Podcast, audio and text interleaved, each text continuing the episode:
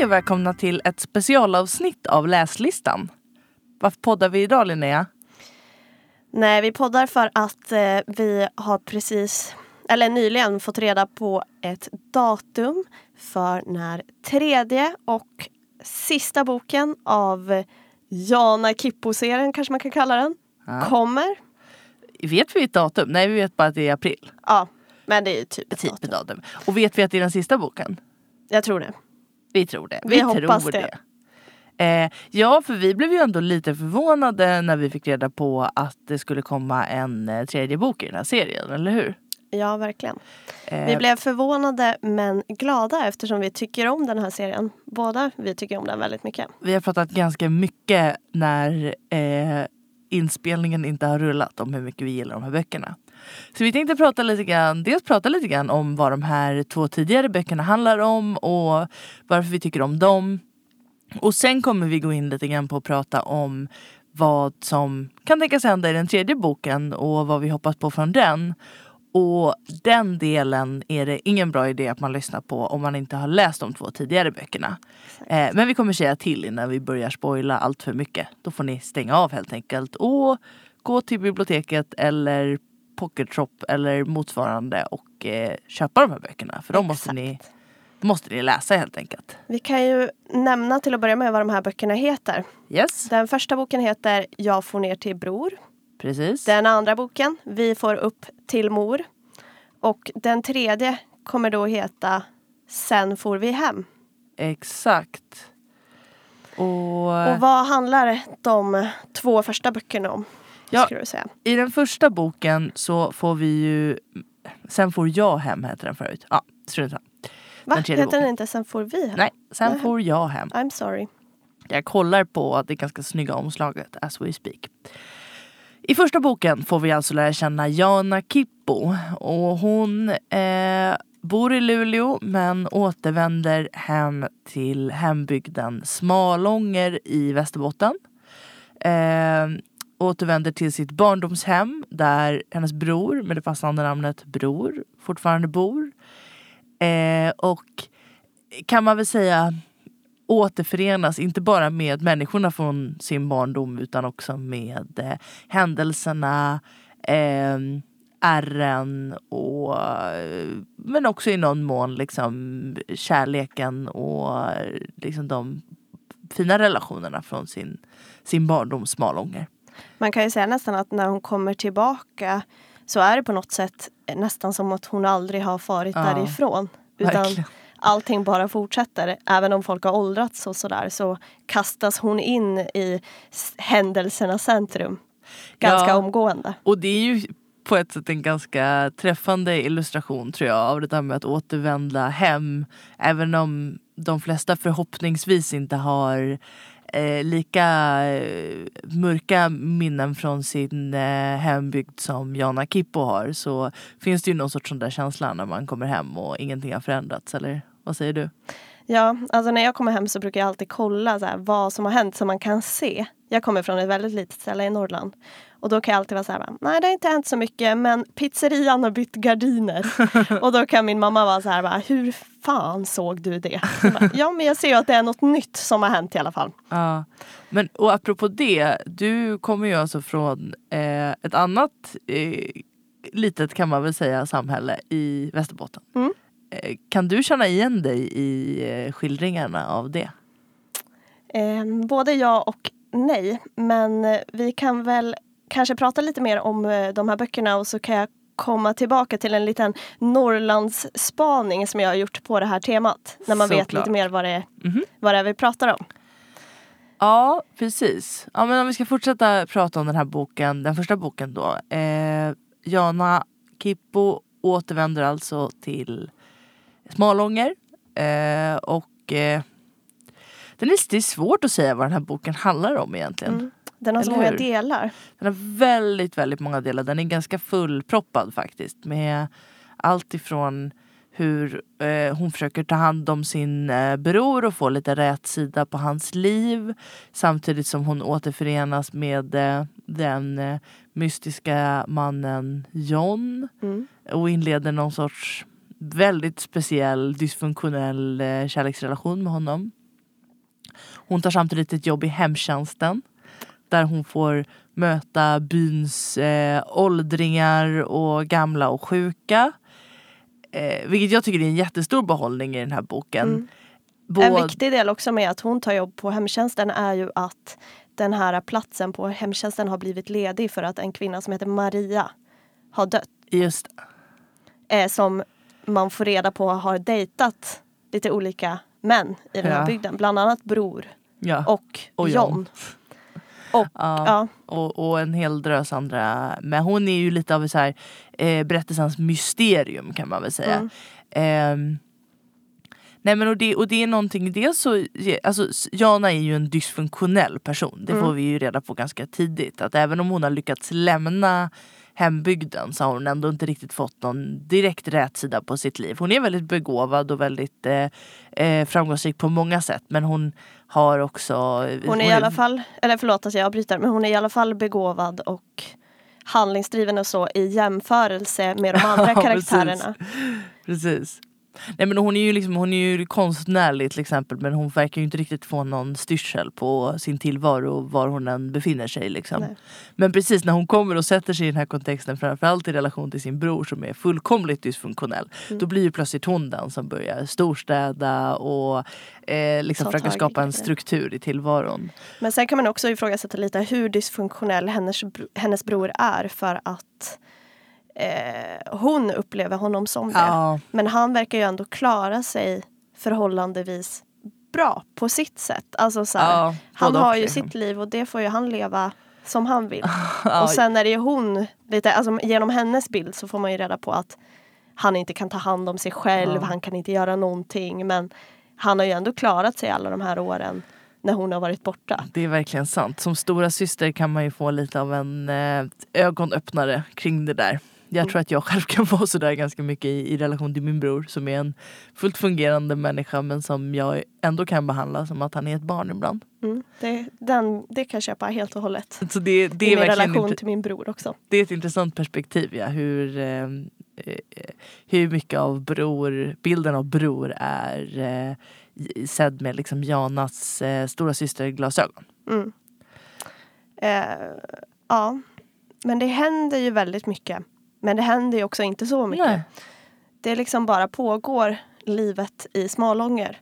Och då eh, kan vi prata lite om bok två också som tar vid då där bok ett Precis. slutar väldigt exakt. Precis. Precis. Man kan ju säga att, att det, liksom, det händer under tiden som den här eh, liksom, nutida handlingen utspelar sig så får vi också veta mer och mer om Jana och Brors barndom och i synnerhet i relation till deras eh, föräldrar. Mm. Och eh, mamman är ju, ja, eh, hon lever fortfarande, pappan död, mamman lever fortfarande och eh, i slutet av eh, bok, första boken så kan man väl säga att, eh, att mamman återigen liksom äntrar scenen. Mm. Och eh, andra boken tar då vid precis efter mammans död.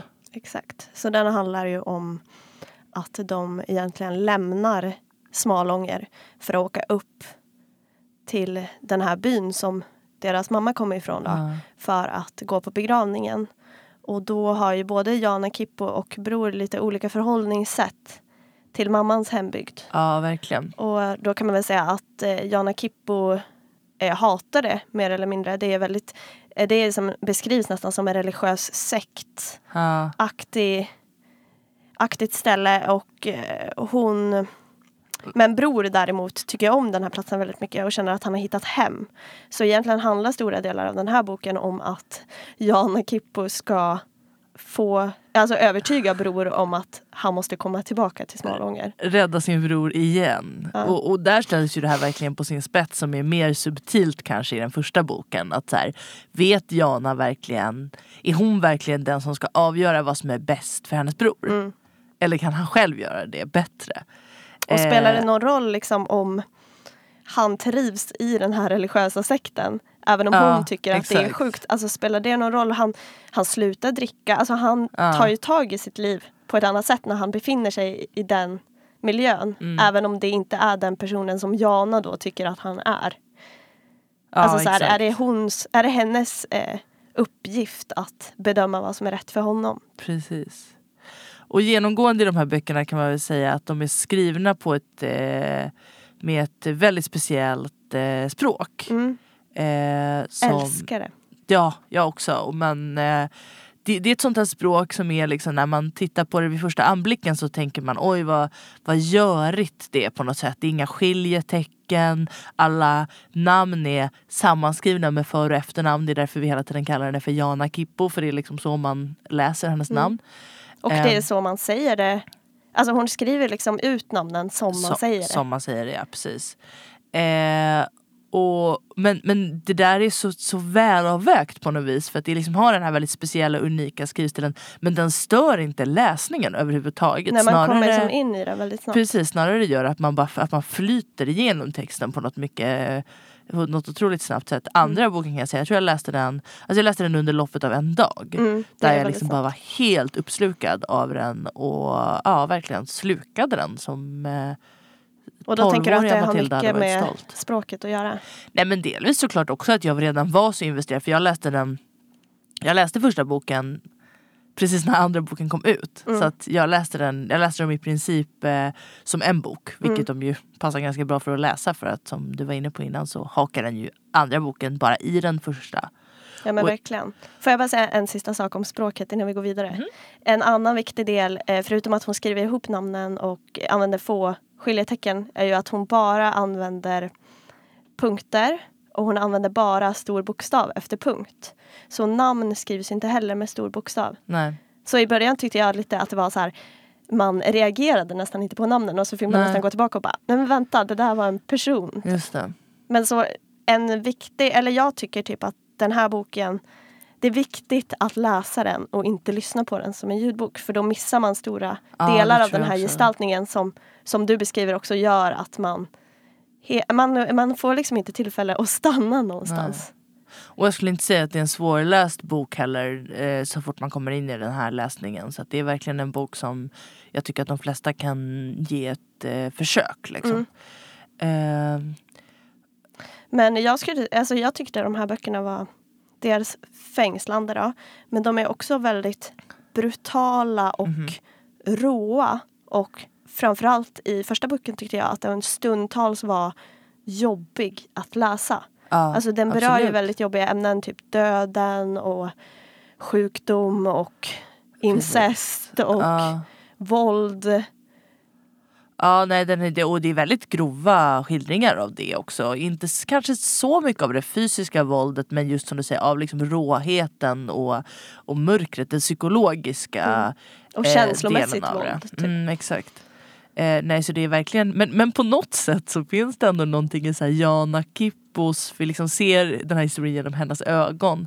Och det är någonting med hennes eh, angreppssätt till världen som gör att man på något sätt ändå får någon sorts det blir hanterbart liksom. Hon, har någon sorts, hon har någon sorts egen råhet som liksom eh, motar bort det där allra värsta från att liksom komma hela vägen in i märgen på en. Liksom. Och sen är ju också Karin Smirnoff då, som har skrivit den här boken ganska rolig stundtals. Absolut, Så man får precis. ju också ett litet gott skratt här och där. Och Ja.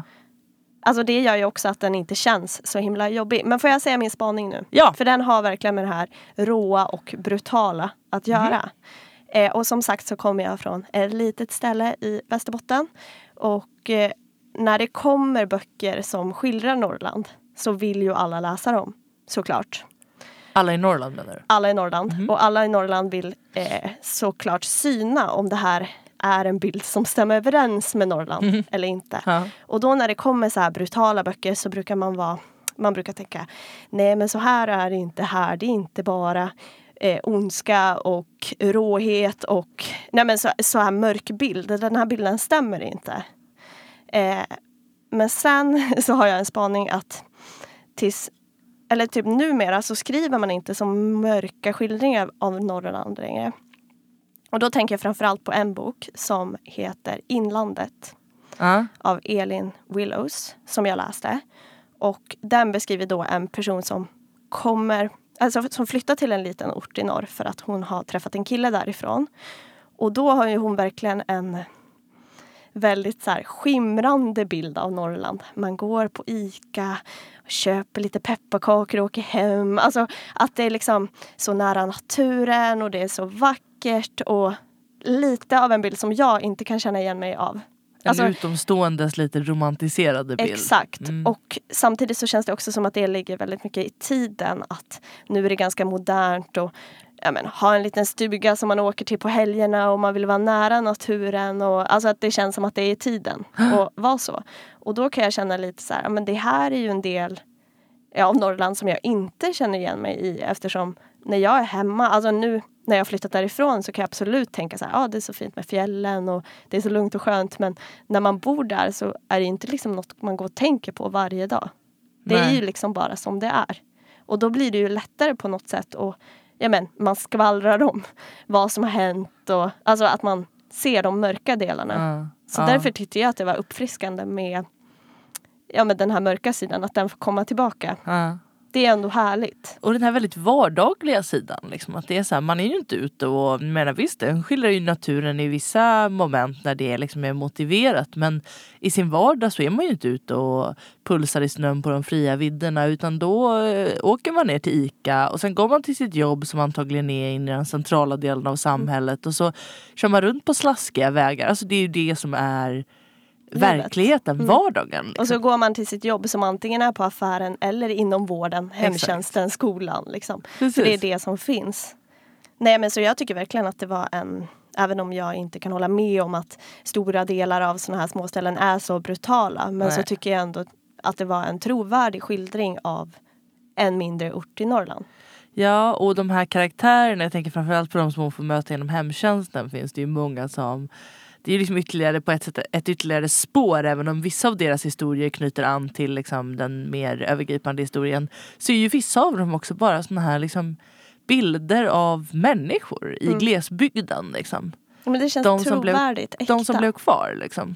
Det är nästan lite så här, eh, men som vi har pratat om i, eh, nej men det är nästan lite så här att det blir de personerna som inte ofta har en röst i Mm. litteraturen som får synas. Som får lyftas Ja. upp. För hur ofta läser man skildringar om hemtjänsten i Norrland? Liksom? Exakt. Det tror jag aldrig att jag har gjort. Nej. Nej, jag tycker det är underbart att läsa. Jag tycker också att det är underbart att den här dysfunktionella, som vi pratade om på många sätt, Jana Kippo, hon får faktiskt också glänsa i sin roll som hemtjänstanställd. Hon är riktigt bra på det jobbet och det tycker jag är en ganska rolig kontrast mot allting som stormar så mycket runt omkring henne. Ja, men det är ju ändå så här ljusglimtar här och där. Ja. Det är äckligt och det är slitigt. Men hon är också bra på det hon skänker också en glädje till de här äldre människorna och hon får möta, vi får möta de här människorna genom henne. Mm. Det är väldigt fint. Eh, men ska vi eh, säga att om ni inte har läst andra boken Ja, så kan ni stoppa här och nu. nu får ni inte lyssna något mer. För vi måste ju nästan prata om hur den andra boken eh, slutar. Jag blev extremt chockad av det här slutet. Ja, Och allt som händer utspelar sig på typ en sida. precis. Så Kan man blir lite golvad. snabb recap här av vad det är som händer i slutet. För Ja, ska jag dra den? Ska du dra den? Nej men kör du. Ja, men det, kan man, det man kan säga är väl att Bror då ska gifta sig med en kvinna i den här eh, religiösa sekten som vi nu benämner den. Eh, och eh, han eh, bestämmer sig för att inte göra det så han lämnar henne bokstavligen vid altaret och åker hem Mm. till Smalånger. Eh, och då blir det ju givetvis Jana Kippos uppdrag att hämta honom och ta tillbaka honom. För där har hon plötsligt ändrat sig och tycker att han ska gifta sig. Så hon åker tillbaka till Smalånger eh, och hittar då Bror i, var det någon stuga uppe i skogen? Eller? Nej, han har ju bara gått ut i skogen. Hon hittar liksom hans... Hon hittar spår efter honom på något vis. Och sen så hittar hon honom vid en Bergskant. Precis, en bergskant. Där han liksom har ramlat ner och hänger Exakt. där och då måste ju hon försöka rädda honom och dra upp honom. Så hon hittar eh, ett rep som hon försöker dra upp honom med men bestämmer sig vid något tillfälle att släppa och hoppa med bror. Så det Exakt. slutar egentligen med att de båda faller ner för den här klippan eller bergskanten. Precis. Och det, och det hon skriver där, nu tittar jag på slutet, Ja. sista meningarna här. Jag hade kunnat släppa, låtit bror falla ensam, men jag kunde inte. Bror var jag, jag var bror. Och sen så är det ett, eh, beskrivs eh, hur det går till när hon till slut eh, eh, släpper. Och så säger hon, när jag föll över kanten tänkte jag bara, så här var det. Uff, man får rysningar. Ja, och som du säger, det går så snabbt. Liksom. Han är så inne i det här, det här sökandet efter honom. Och Kommer han ha tagit livet av sig? Liksom, vad kommer ha hänt? Och sen bara, jaha? Mm. Ja, men man känner verkligen bara, vad var det som hände? Jag tror att jag läste om den där sidan typ tre gånger Ja. för jag kunde, inte, jag kunde inte ta in det. Det gick inte. Men då blir ju den stora frågan, vad ska den tredje boken handla om? Precis. Jag fattar ingenting. Nej, jag fattar inte heller någonting. Eh, men eh, vi kan ju spekulera. Det är det vi är här för. Ja. Vad, vad tänker du? Nej men alltså om vi bara ska ta det liksom helt basic så tänker jag så här. Antingen så har de inte dött. Eh, eller hon har inte dött. Man kan falla över en klippkant utan att dö. Jag kommer inte exakt ihåg hur beskrivningen är. Men det känns ju lite banalt, ärligt Mm. talat. Om det skulle vara så. Det skulle är- vara väldigt tråkigt. Nej, hon hamnade på sjukhus. Det är ett så otroligt starkt slut i all sin chock. Det kan inte vara så här. Nej hon dog inte alls. Men det är därför det inte Hon borde ha kommit en tredje bok. Nej exakt. Slutet var asbra. Slutet var så fruktansvärt bra, jobbigt men bra. Så då funderar jag snarare lite grann på om det kanske handlar om någon av de andra karaktärerna som eh, vi har fått träffa. Och då tänker jag kanske specifikt på Janas dotter. Mm. Ja just det, hon har vi inte ens nämnt. Nej, Men hon har en dotter med John. exakt. Den här mystiska mannen. Det är en komplicerad historia men ni, som- ni som lyssnar nu har ju läst boken så Ja, så ni, det kommer ju inte, ni vet ju vad det är som händer. Mm. Nej men det var bra, det har faktiskt inte jag tänkt. Att det skulle kunna handla om henne. Jag tänker att det skulle kunna lägga en till dimension av det när vi liksom har Vi har ju fått väldigt mycket, särskilt i den andra boken, mammans historia. Och hur den förklarar på något sätt hennes agerande eh, i förhållande till barnen. Eh, alltså Jana och Bror. Och då tänker jag att det skulle kunna bli en ytterligare dimension att vi får följa dottern i den här tredje boken. Mm. Ehm, Ja för det har ju verkligen varit också i de tidigare böckerna att Jana liksom har stått i centrum även i relationen till dottern. Det har varit tydligt att dottern vill återuppta kontakten men att men Jana har liksom inte varit förmögen att göra det. Nej. Hon har lämnat sitt barn en gång för hon har lämnat bort barnet eh, vid födseln. Ja. Väldigt eh, pressad att göra det då såklart. Men Och hon var väldigt, väldigt fall. ung. hon var väldigt, väldigt ung. Men, Men det vore ju jätteintressant, verkligen. ja, det tror jag skulle kunna bli en väldigt... Och hon är ju också, hon har ju ytterligare ett för hon bor väl i Umeå, är det det? Eh, ja, jag kommer inte riktigt ihåg. Eller kan det vara i Luleå? Nej, det är Umeå tror Men jag. då skulle man ju verkligen alltså, kunna få en nyanserad bild av Jana. Ja. Som man inte har fått annars. Liksom. Nej exakt precis. Jana har ju varit den som har fått liksom tolka alla skeenden i boken. Så det vore jättespännande att se mer så som vi har fått se Bror ur Janas ögon vore det spännande att se Jana ur någon annans ögon. Mm, verkligen. Och hon har ju också fortfarande relationen med John och utforska och så vidare. Så det finns ju saker som det skulle kunna handla om där. Mm. Har du några andra teorier? Jag har tre teorier. Wow. Mm. Jag tänker att boken heter ju Sen for jag hem. Ja. Och då skulle det kunna vara så att hem är till döden. Oj, Och oj, då oj. får boken utspela sig på en plats där alla döda hamnar. Vi och så får den de liksom mötas, jag vet inte, i himlen, i jorden, i ett vitt rum. Ja, Ja. helvete, ja, jag vet inte. Få se Karin Wow. Smirnoffs dödsrike. Och så kan allt det här reda ut sig. Det vore ju riktigt, riktigt spejsat. För vore- jag menar, den här boken är ju spejsad på många sätt men det har ju ingenting av liksom eh, övernaturlighet. Nej. Eller, den är ju väldigt så nära, eh, nära vardagen som vi har varit inne på innan. Det vore, ja. men det vore spännande för det är klart att det vore intressant att se sys- syskonen Kippo, tvillingarna Kippo återförenas med sin pappa till exempel. Ja, Och sin mamma. Och, och Maria. den relationen. Och Maria. Ja, alltså jag är öppen för idén. Eh, jag vet inte det känns inte så henne. troligt kanske. Nej. En annan sak som inte känns så troligt, eh, som du också nämnde, det är ju att, ja, men att de far hem till hemmet. Som man, i att de faktiskt överlever och åker hem. Eh, Ja. på något sätt så har Jana Kippo lyckats hänga sig fast i en gren och Bror hänger i föttren och de lyckas kravla sig upp. John kommer dit och räddar dem som den hjälten som han skulle kunna vara. Ja.